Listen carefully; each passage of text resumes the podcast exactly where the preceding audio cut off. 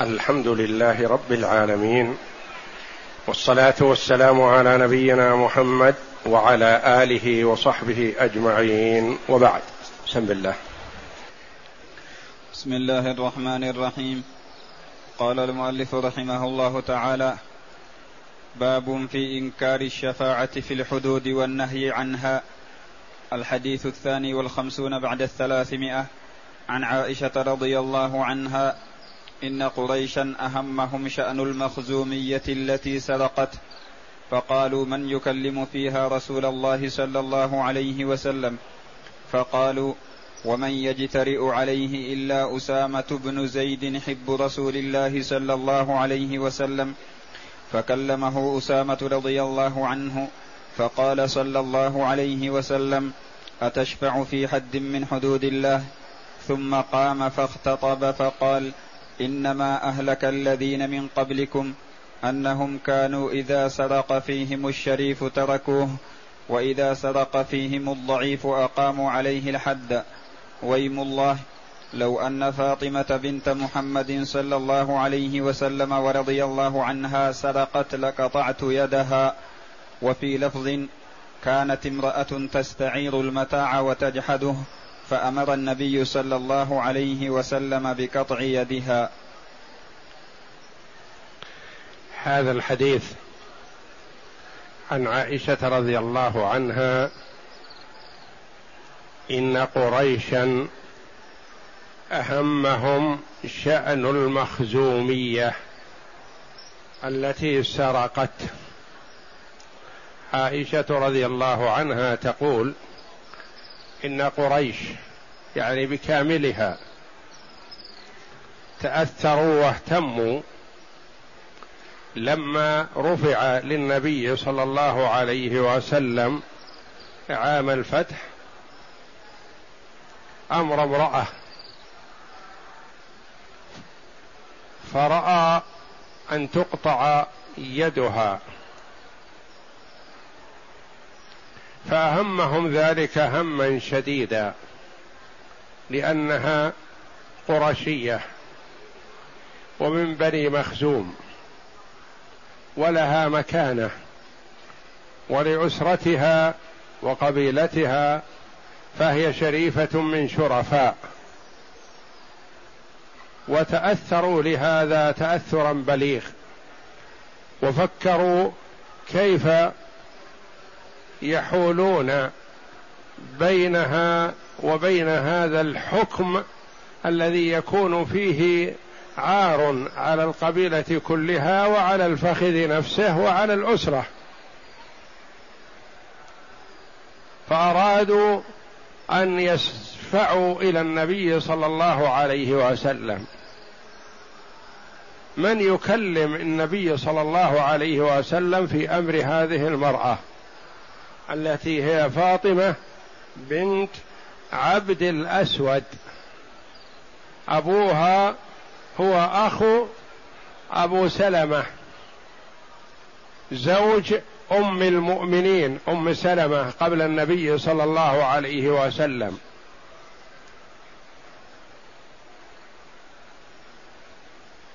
ففكروا من يكلم ما طلبوا من من قرب ومن بعد إنما وقع اختيارهم على أسامة ابن زيد رضي الله عنه. قالوا حب رسول الله صلى الله عليه وسلم وابن حبه فهو أسامة ابن زيد ابن حارثة رضي الله عنه وعن أبيه.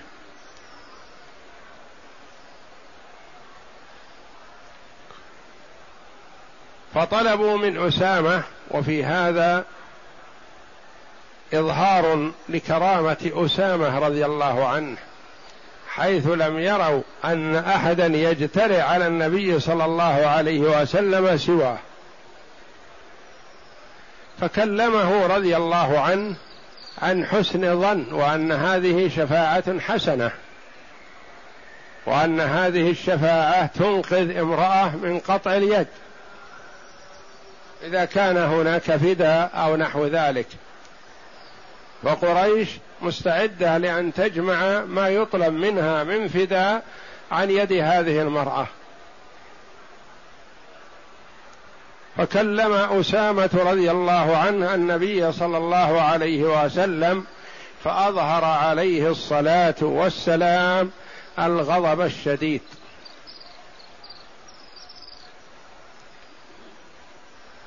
كيف يا أسامة تشفع في حد من حدود الله؟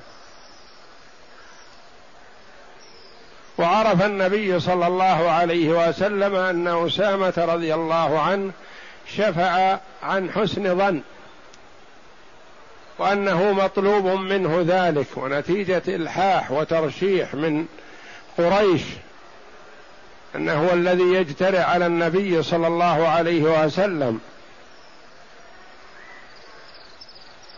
فأظهر الغضب عليه الصلاة والسلام في محاولة الوقوف دون حد من حدود الله أو الحيلولة. لا على أسامة وإنما على هذه الفكرة من حيث هي. ثم عليه الصلاة والسلام ليس الأمر أمر أسامة فقط فيبين له الأمر لا هذا يهم الجميع. كل قريش مهتمون لهذا. فقام عليه الصلاة والسلام خطيبا محذرا للأمة قاطبة من أولها إلى آخرها عن الهلاك. فهو عليه الصلاة والسلام ما من خير إلا وأمر به ورغب فيه ولا من شر إلا وحذر عنه ونهى عنه عليه الصلاة والسلام. ولله في ذلك حكمة وجدت هذه السرقة من أشرف البيوت حتى يظهر التشريع الرباني الذي يحفظ للأمة كرامتها وبقاها ويحفظ لها أموالها ودماءها وأعراضها. فقام عليه الصلاة والسلام خطيبا في الناس يبين لهم عظم هذا الأمر والوقوف في دون حد من حدود الله أن هذا شأن عظيم.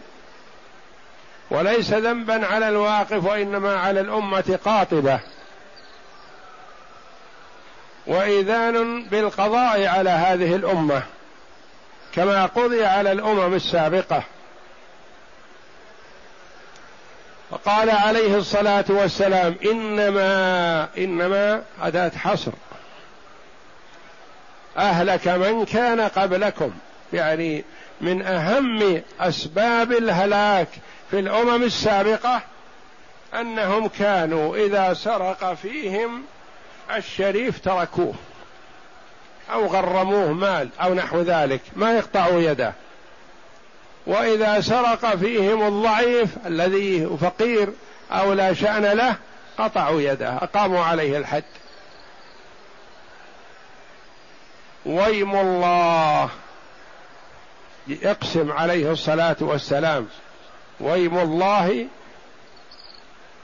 أيم الله مبتدأ. والخبر محذوف تقديره قسمي أو يميني. ويم الله قسمي أو يميني. لو أن فاطمة فاطمة رضي الله عنها التي هي سيدة نساء العالمين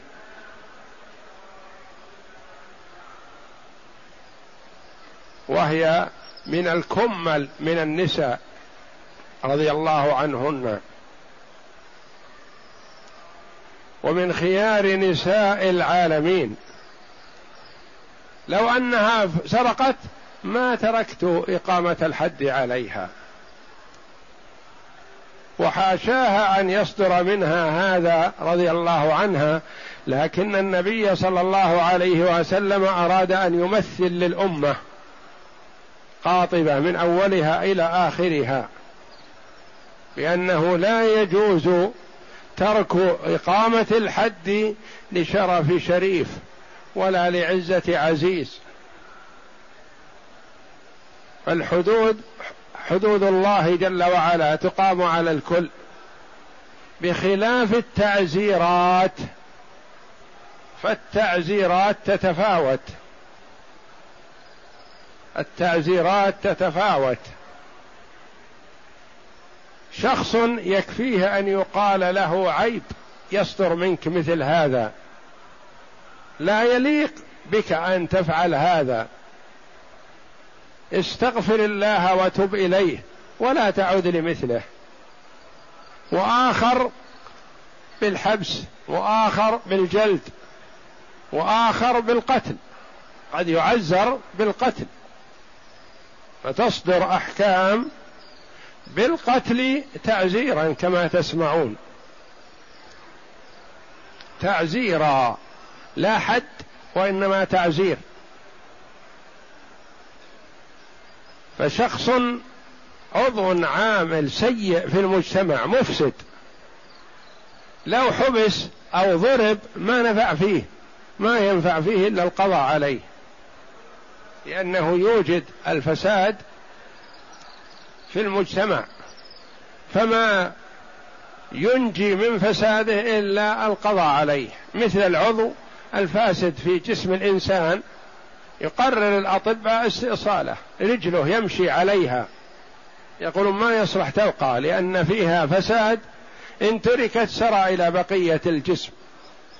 فنحن نقطعها من المفصل حتى لا يسري هذا المرض الذي فيها.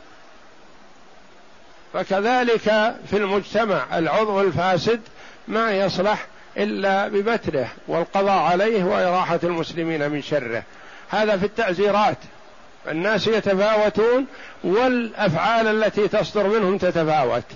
لكن الحدود حدود الله. لا مجال للتغاضي. إذا توفرت الشروط وانتفت الموانع وجب إقامة الحد. ولا يقال هذا سرق ريال أو ثلاثة أرباع ريال أو ريالين. كيف تقطع يده؟ والآخر سرق عشرة ملايين. هذا معقول تقطع يده اللي سرق الملايين لكن اللي سرق ريالين أو ثلاثة تقطع يده؟ نقول نعم. الحدود إذا بلغ النصاب في القليل والكثير. في الشريف والوضيع.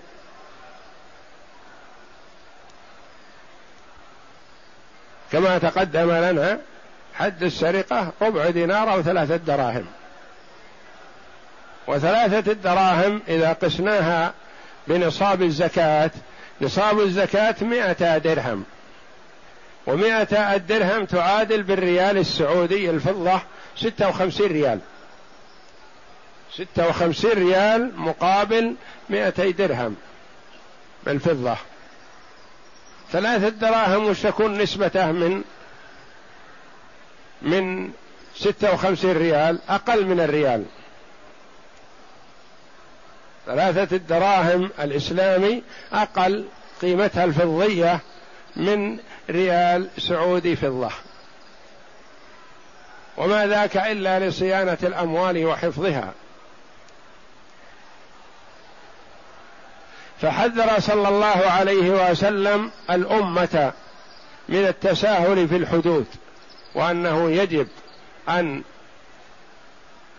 يحكم بها وتنفذ على الصغير والكبير. ما دام بالغ يعني صغير الشأن وعظيم الشأن وإلا الطفل الذي لم يبلغ الصبي غير مكلف.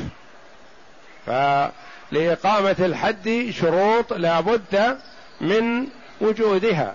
فإذا توفرت الشروط وانتفت الموانع يقام الحد.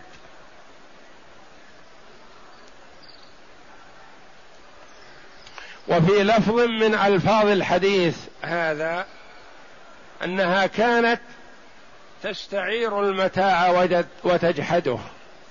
يعني تأتي إلى القوم وتقول أعيروني كذا. أعيروني هذه القطعة من الذهب عندنا مناسبة. أتجمل بها وأعيدها إليكم. فاستعارت شيئا من الذهب ثم تجحده. أما السرقة فإذا توفرت الشروط وانتفت الموانع فهذا لا خلاف فيها ولا ينظر إلى أي خلاف يصدر لأن الله جل وعلا أمر بذلك في كتابه العزيز حيث يقول والسارق والسارقة فاقطعوا أيديهما جزاء بما كسبا نكالا من الله والله عزيز حكيم. الخلاف بين العلماء رحمهم الله في من يجحد الشيء يستعيره ويجحده. جمهور العلماء على أن حد قطع اليد في السرقة فقط.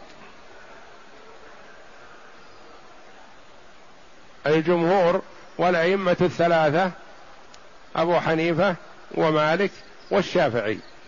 ورواية عن الإمام أحمد رحمة الله عليهم جميعا.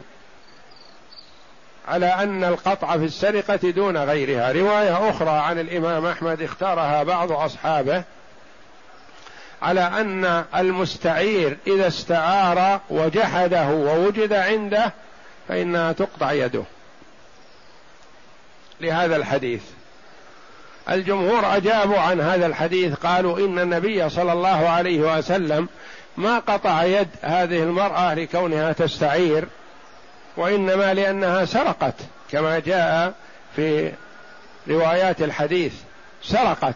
لكن كونهم قالوا أنها تستعير هذه صفة لها يعني أضافت إلى سرقتها أنها تستعير وتجحد.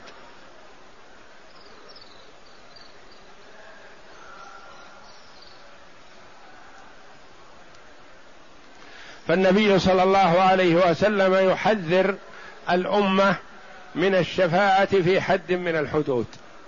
والشفاعة لا يخلو. شفاعة قبل أن يبلغ السلطان. وشفاعة بعد أن يبلغ الحد السلطان. والسلطان هو ونائبه هو القاضي الشرعي. اليوم ولي الأمر فوض القضاة الشرعيين في نظر هذا الأمر يحكمون بالشرع فهم نواب الإمام في هذا الأمر. فمثلا الرجل مسك بيد سارق وقال سرق مني ومررت عليهم أنت وهما يتجادلان. سرقت ما سرقت هو يقول ما سرقت والآخر يقول لا سرقت وأنا رأيتك والمتاع معك ونحو ذلك.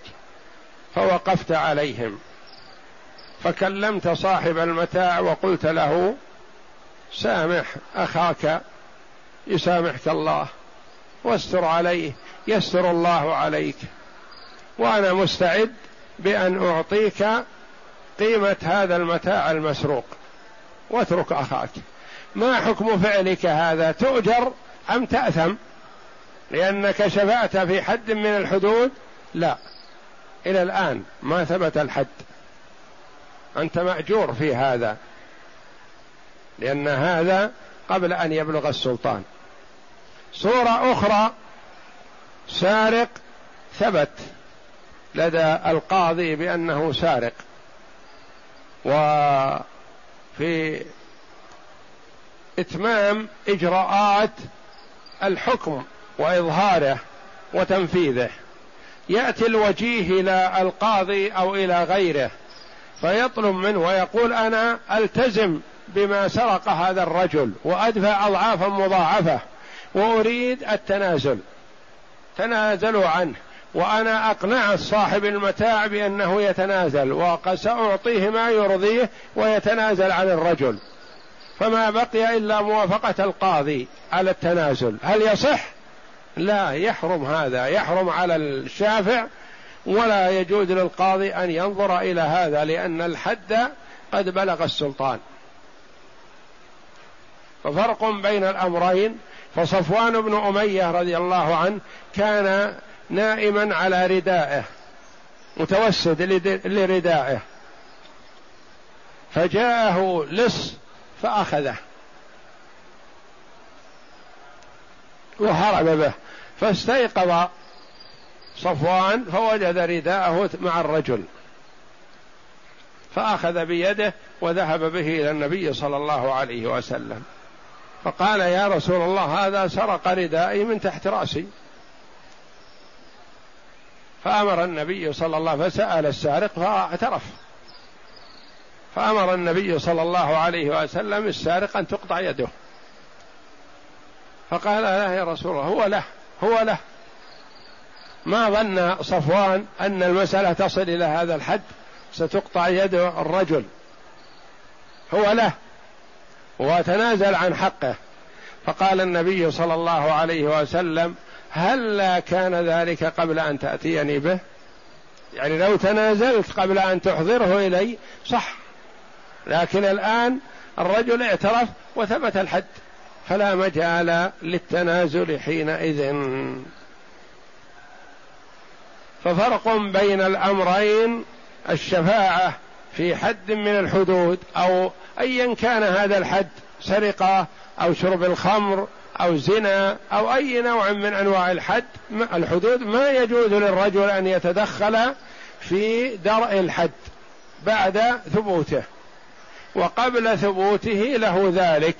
لقوله صلى الله عليه وسلم ادرأوا الحدود بالشبهات والشفاعة قبل أن يصل الحد إلى السلطان جائزة والشافع يؤجر. فإذا وصل الحد إلى السلطان فيحرم ولا يحل للشافع أن يشفع ولا يحل للمشفوع عنده أن يقبل الشفاعة.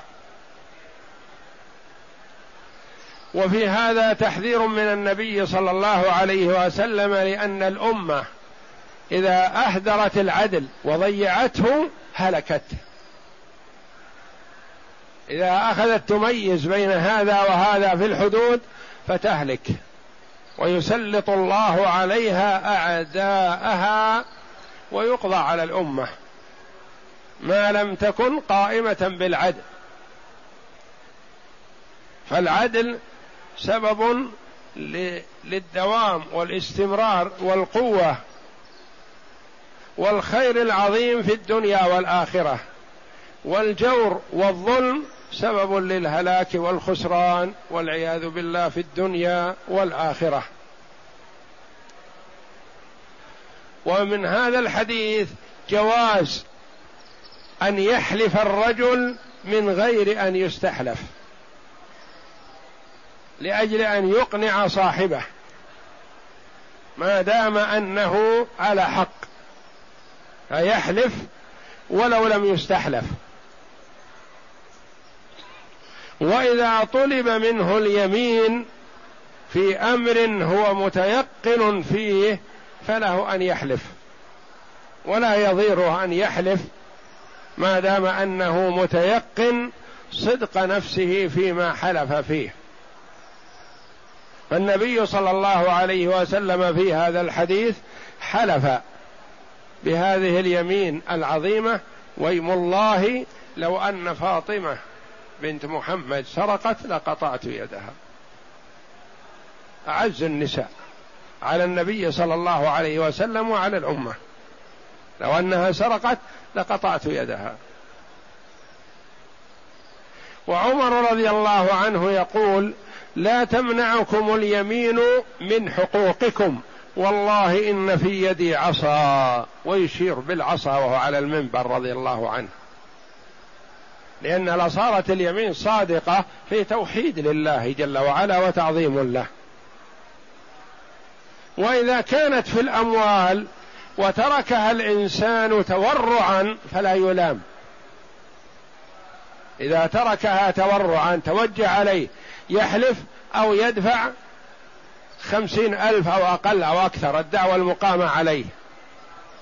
خير بين الأمرين إن حلف برئ وإن لم يحلف يلزم بالمبلغ. وهو شاك في المبلغ فالأولى له أن لا يحلف. وحتى لو كان متيقن فينبغي له أن لا يحلف يحفظ حفاظا على يمينه. عثمان رضي الله عنه توجهت عليه اليمين في أمر من الأمور فأبى أن يحلف رضي الله عنه وأعطى الحق المطلوب منه وإن لم يكن عليه. قال لا يصادف قدرا فيقال بيمين عثمان. ما حب أن يحلف رضي الله عنه. وعدد من السلف الصالح تتوجه عليهم اليمين في أموال فيتورعوا عن اليمين ويدفعوا المال الذي طولبوا به وإن لم يكن عليهم. أو ربما منهم من يدخل السجن لأنه ما عنده ما يسدد. واليمين توجهت عليه. فأبى أن يحلف والتزم بالمال ولا سداد عنده. فالتورع عن اليمين حسن. وإذا كان المرء متيقن صدق نفسه فإذا حلف فلا شيء عليه. وإذا كان لإقناع الآخرين فله أن يحلف. وهكذا فيكون المرء محافظا على يمينه إلا فيما يستدعي الأمر. ثم المسامحة في الواقع في جريمة من الجرائم ينظر في حال الواقع في هذه الجريمة. إن كان مؤذ للناس ومتسلطا عليهم ومكن الله جل وعلا منه فما ينبغي للإنسان أن يتسامح عنه. بل يرفع أمره إلى السلطان ليأخذ جزاءه. وليعاقب. لأجل يرتدع.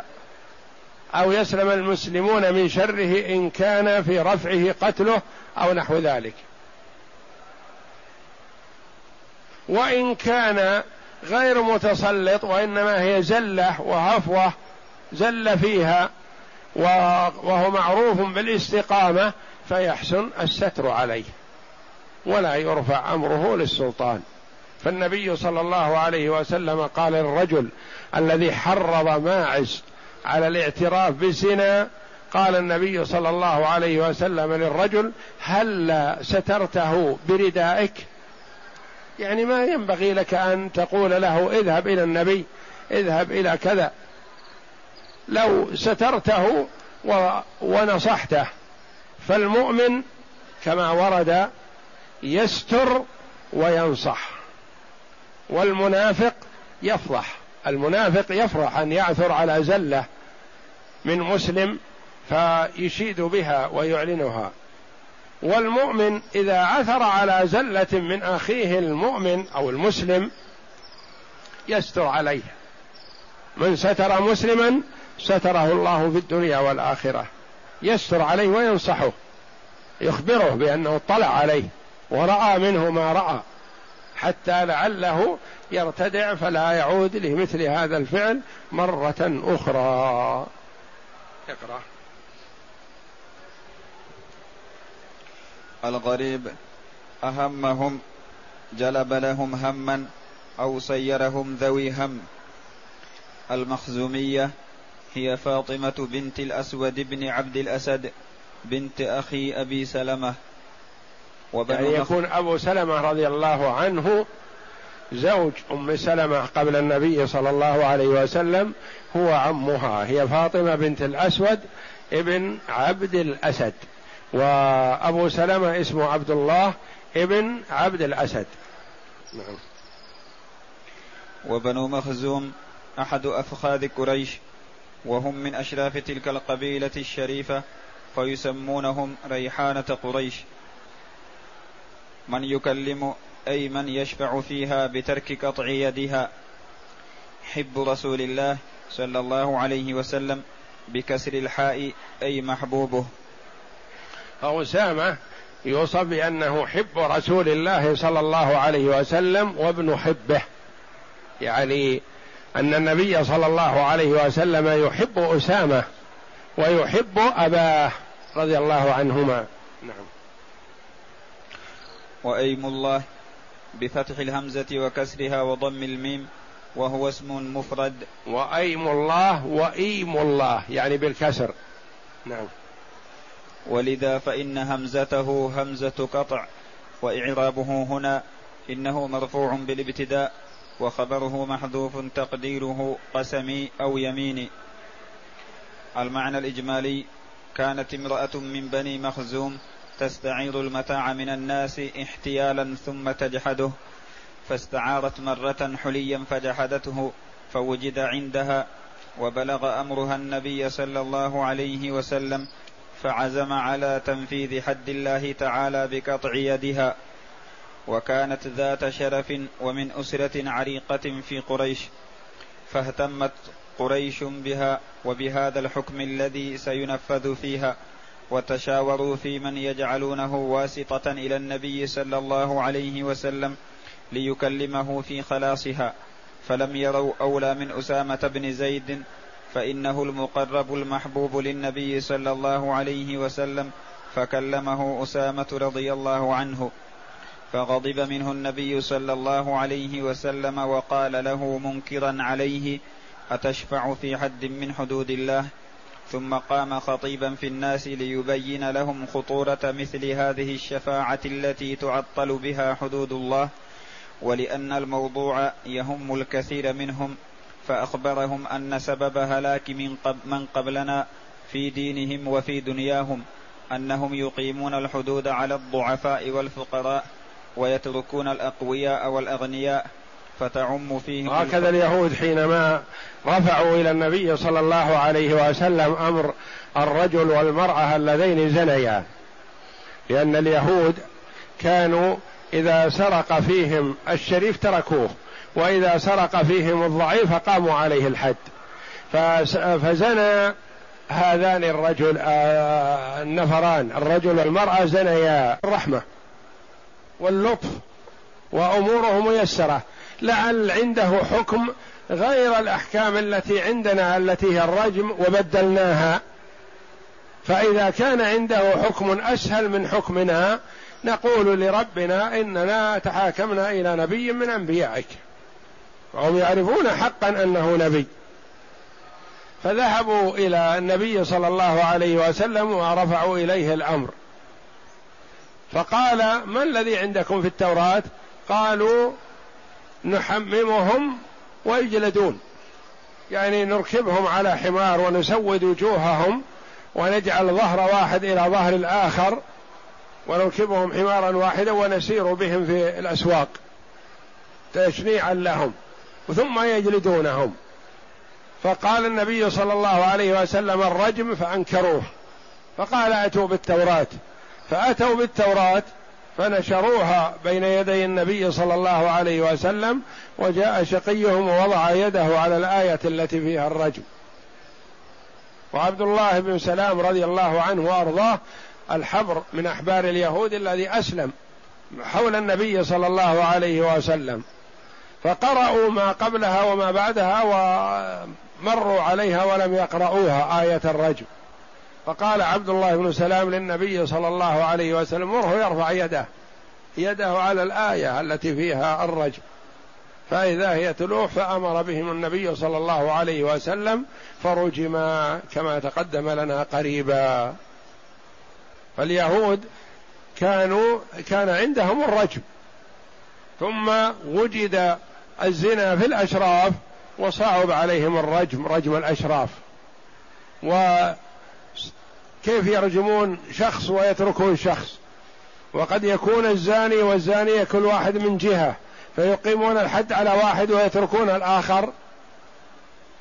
فقالوا لعلنا نقرر حدا بين بين نمضيه على الجميع على الشريف والوضيع. ولما بعث النبي صلى الله عليه وسلم وهاجر إلى المدينة قالوا لعل عنده الرحمة لأنه هو دينه وشريعته فيها الرحمة والسهولة واليسر لعله يحكم بغير الرجم فتحاكموا إليه.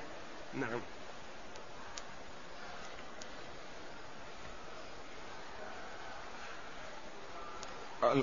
المعنى الإجمالي كانت امرأة من بني مخ...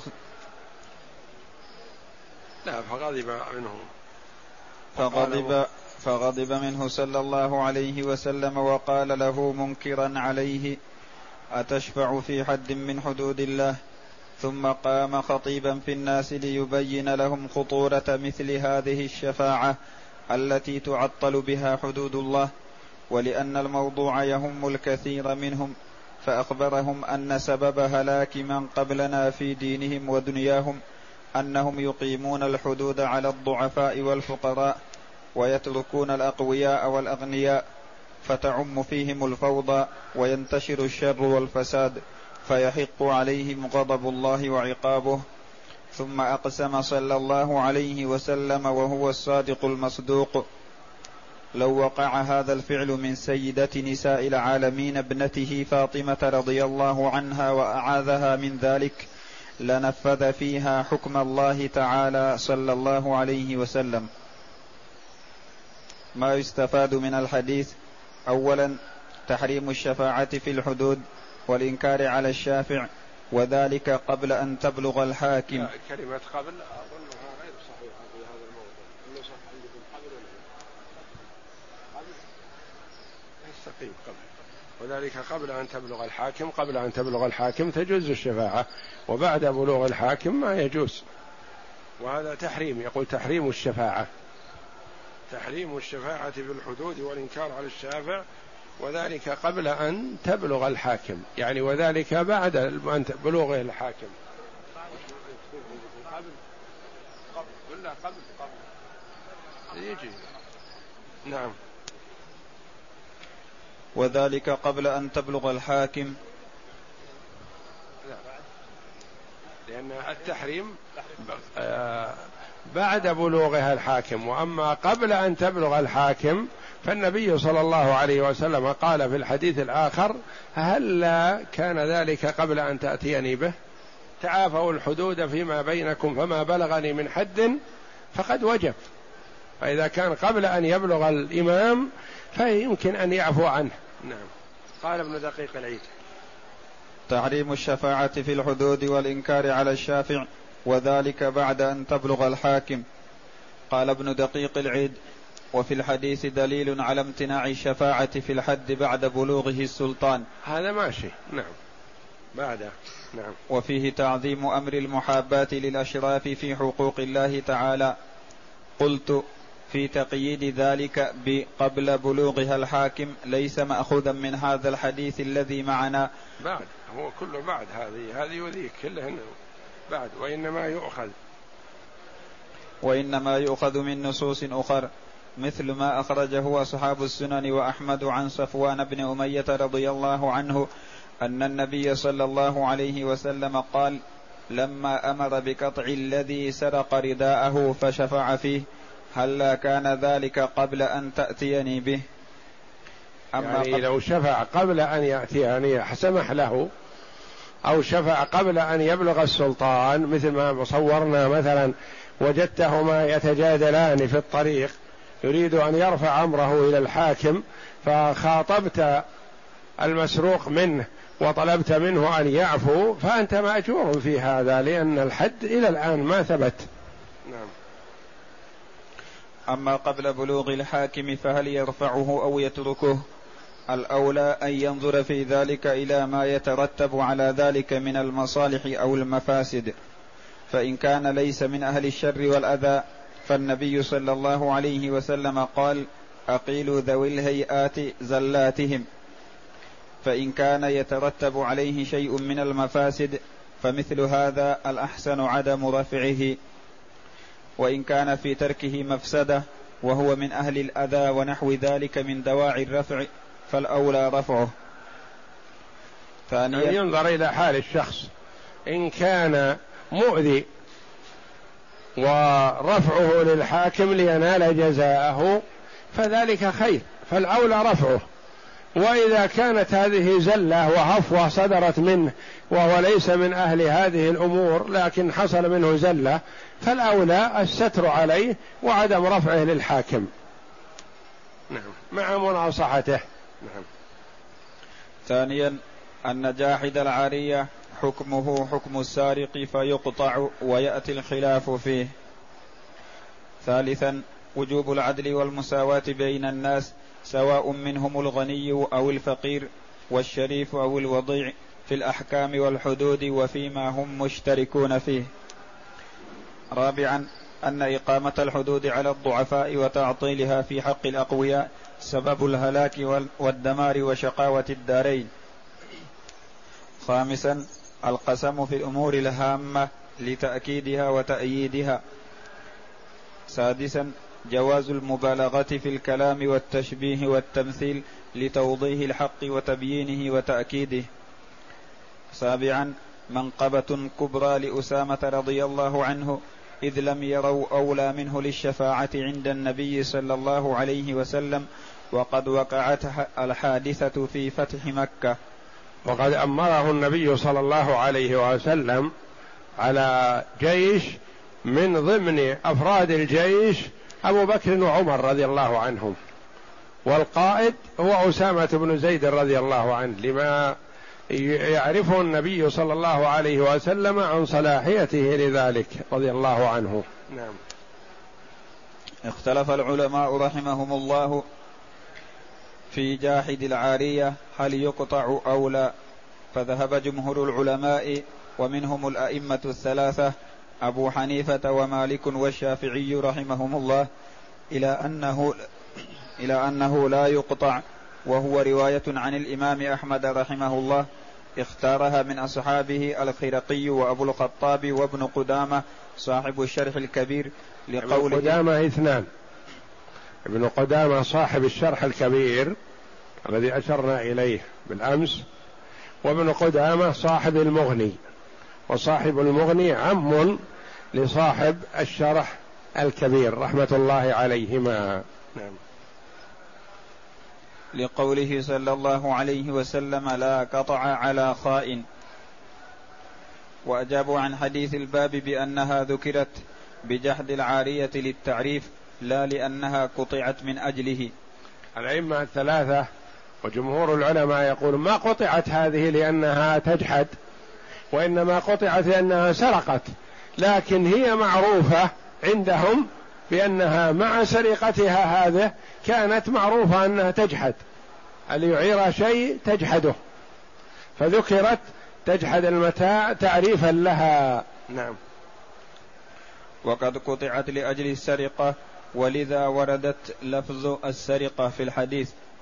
وأجابوا بغير ذلك ولكنها أجوبة غير ناهضة.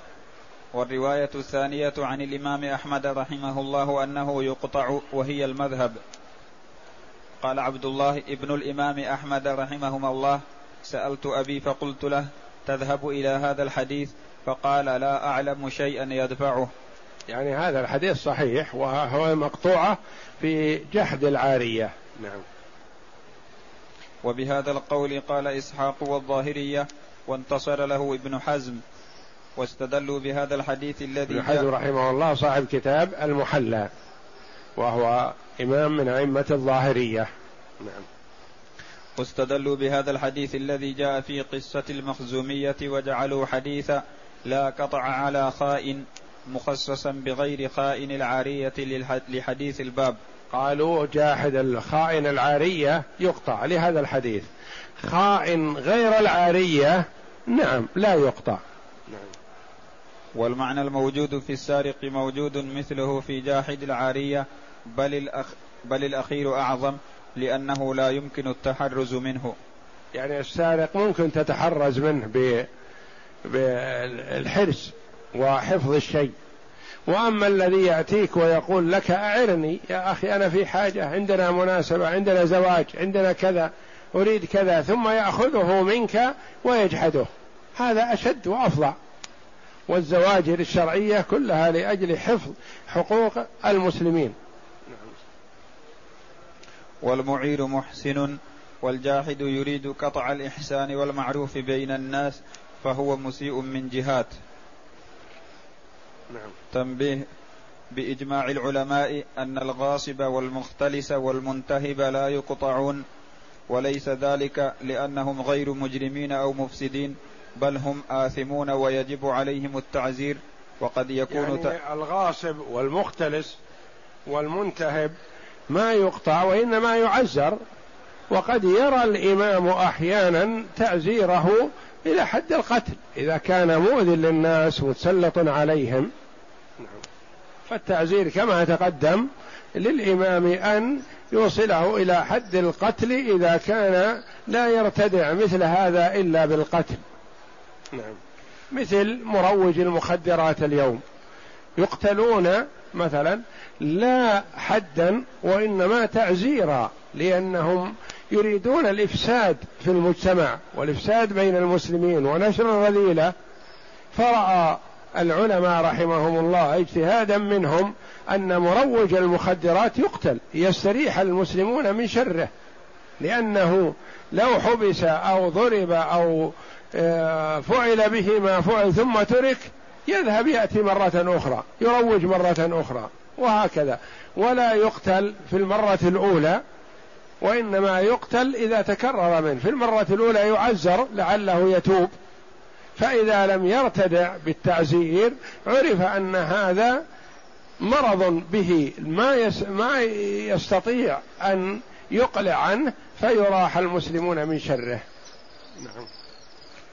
وقد يكون تعزيرهم بليغا ويجب عليهم رد ما أخذوه وإنما لم وإنما لم يقطعوا لما نقلناه في أول الباب عن القاضي عياض ولحكم أيضا لا يعلمها إلا الذي شرع للناس ما يصلح حالهم.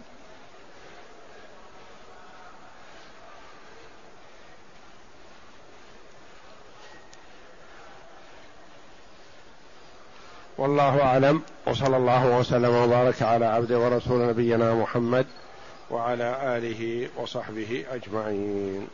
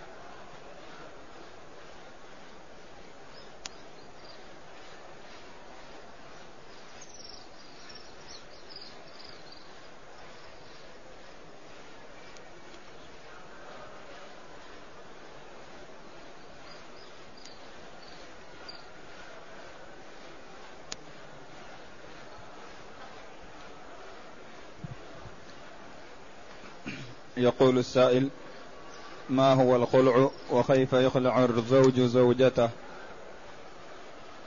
الخلع أن يطلب الرجل عوض من زوجته ليخلعها يعني يطلق على مبلغ من المال أو يخلعها من عصمته على مبلغ من المال وهو جائز. ويسأل عن تسمية اسم محسن أهو من أسماء الله. الجواب يجوز أن يسمى بمحسن كما يجوز أن يسمى بالعزيز والحافظ والمتقن والرحيم ونحو ذلك لأن الاسم الذي يسمى به المخلوق ليس كاسم الله تبارك وتعالى. وقد جاء اسم العزيز في قوله تعالى وقالت امرأة العزيز وقال عن يوسف عليه السلام اجعلني على خزائن الأرض إني حفيظ عليم. فيوسف حفيظ عليه السلام حفظ مخلوق وليس كحفظ الله جل وعلا وليس كعلم الله جل وعلا فعلم المخلوق وحفظه على قدره وعلم الخالق جل وعلا يليق بجلاله وعظمته.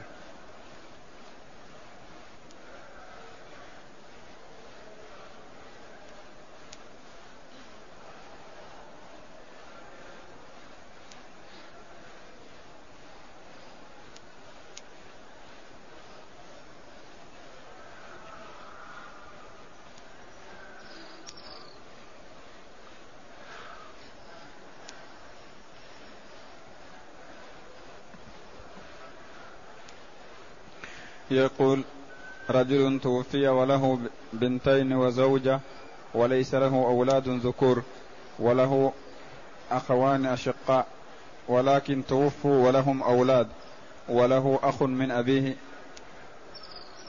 كيف توزع الورث الإرث بينهم؟ إذا توفي الشخص وله زوجة وبنات وليس له أبناء وله إخوة ماتوا قبله وإنما يوجد أبناء إخوة أشقة وأخ لأب. فالأخ لأب يحجب أبناء الإخوة الأشقاء لكنه أقرب منهم.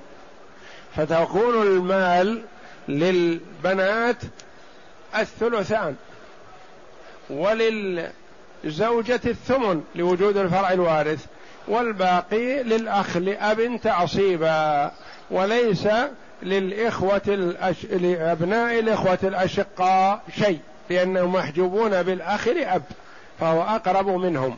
وإن كان مع الأخ لأب أخوات لأب فهن شريكات له.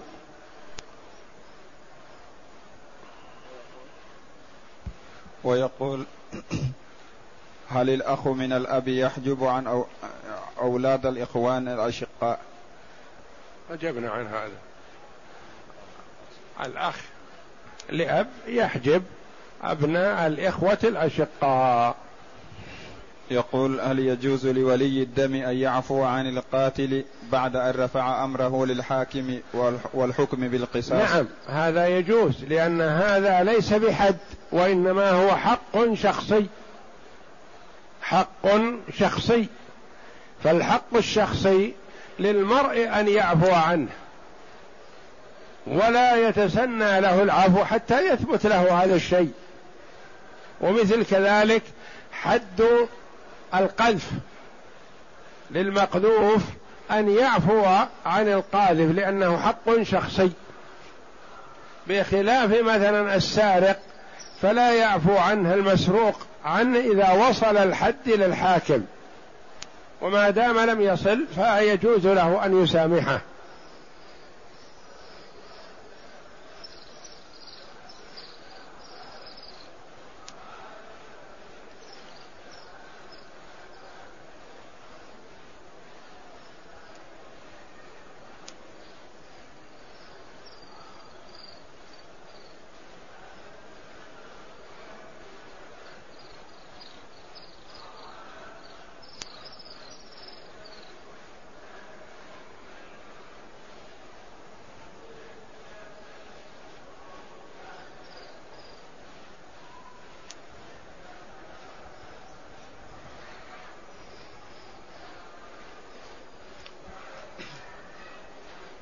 يقول عند الجلوس في الصلاة يصعب علي نصب الرجل اليمنى وافتراش الأخرى وهل الصلاة صحيحة بدون ذلك؟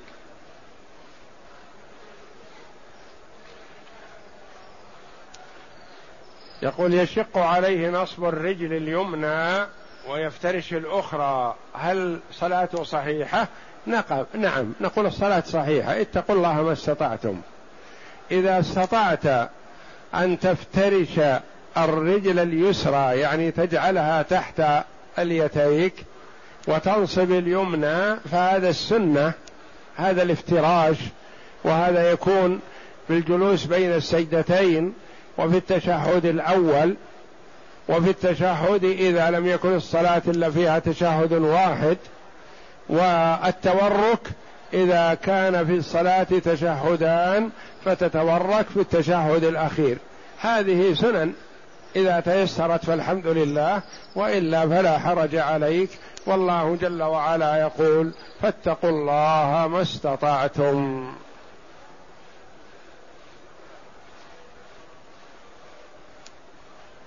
يقول ما حكم الحلف بأحد الصيغ الآتية؟ علي الحرام.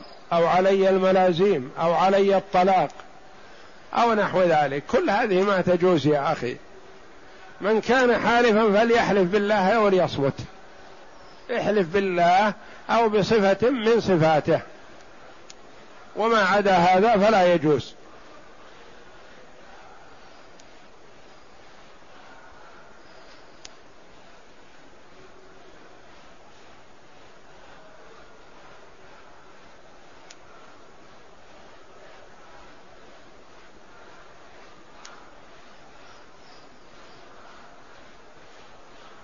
هذا يقول هل ورد في الهدي النبوي أو أحاديث أو روايات تتحدث عن الفال؟ الفال يعجب النبي صلى الله عليه وسلم ويقول هل يؤخذ الفال من كلمات الأطفال؟ لا. وإنما الفال أن يسمع المرء كلمة حسنة. ولا ينبغي له أن يقدم من أجلها ولا أن يتأخر من أجلها وإنما يسر بها. يعني إذا خرج وسمع كلمة موفق أو رابح أو سعيد يصر بهذا لكن ما يعزم من أجل هذه الكلمة ولا يتردد ويرجع من أجل هذه الكلمة. فالتطير محرم وهو أن يمتنع المرء عن شيء كان قد عزم عليه من أجل أنه سمع كلاما سيء أو رأى رجلا ما أعجبه لكذا أو لكذا فيرجع هذا حرام ولا يجوز. وأما الفال فكان النبي صلى الله عليه وسلم يعجبه ويسر به وما كان يقدم من أجله ولا يتأخر من أجله عليه الصلاة والسلام.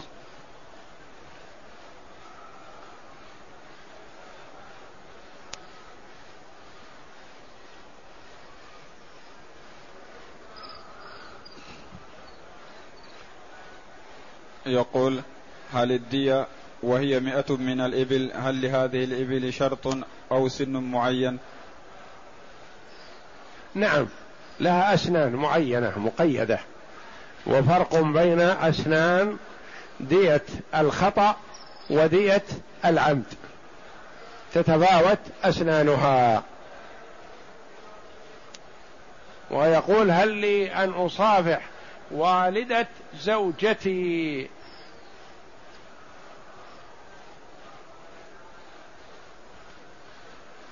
يجوز والدة زوجتك أنت محرم لها حتى ولو طلقت زوجتك أو ماتت عنك فإن والدتها تكون من محارمك باستمرار.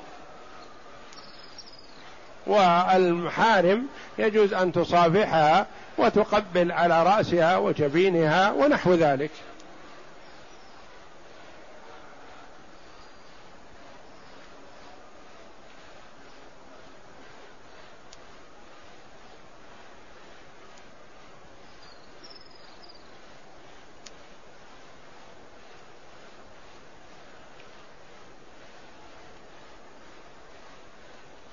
يقول إذا طلق رجل زوجته طلاقا باتا هل يجوز له أن يتزوج أختها قبل انتهاء عدتها؟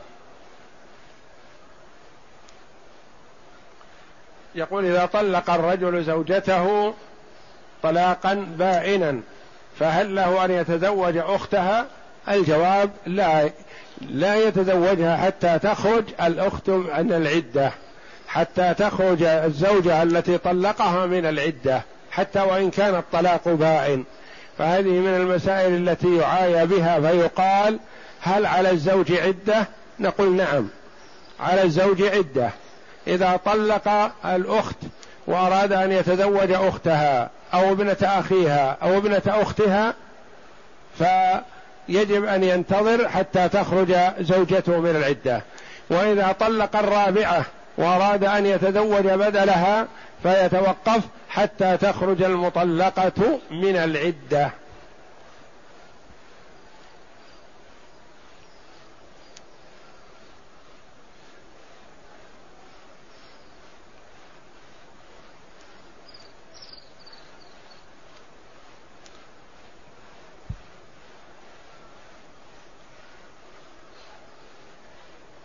والله أعلم. وصلى الله وسلم وبارك على عبد ورسول نبينا محمد وعلى آله وصحبه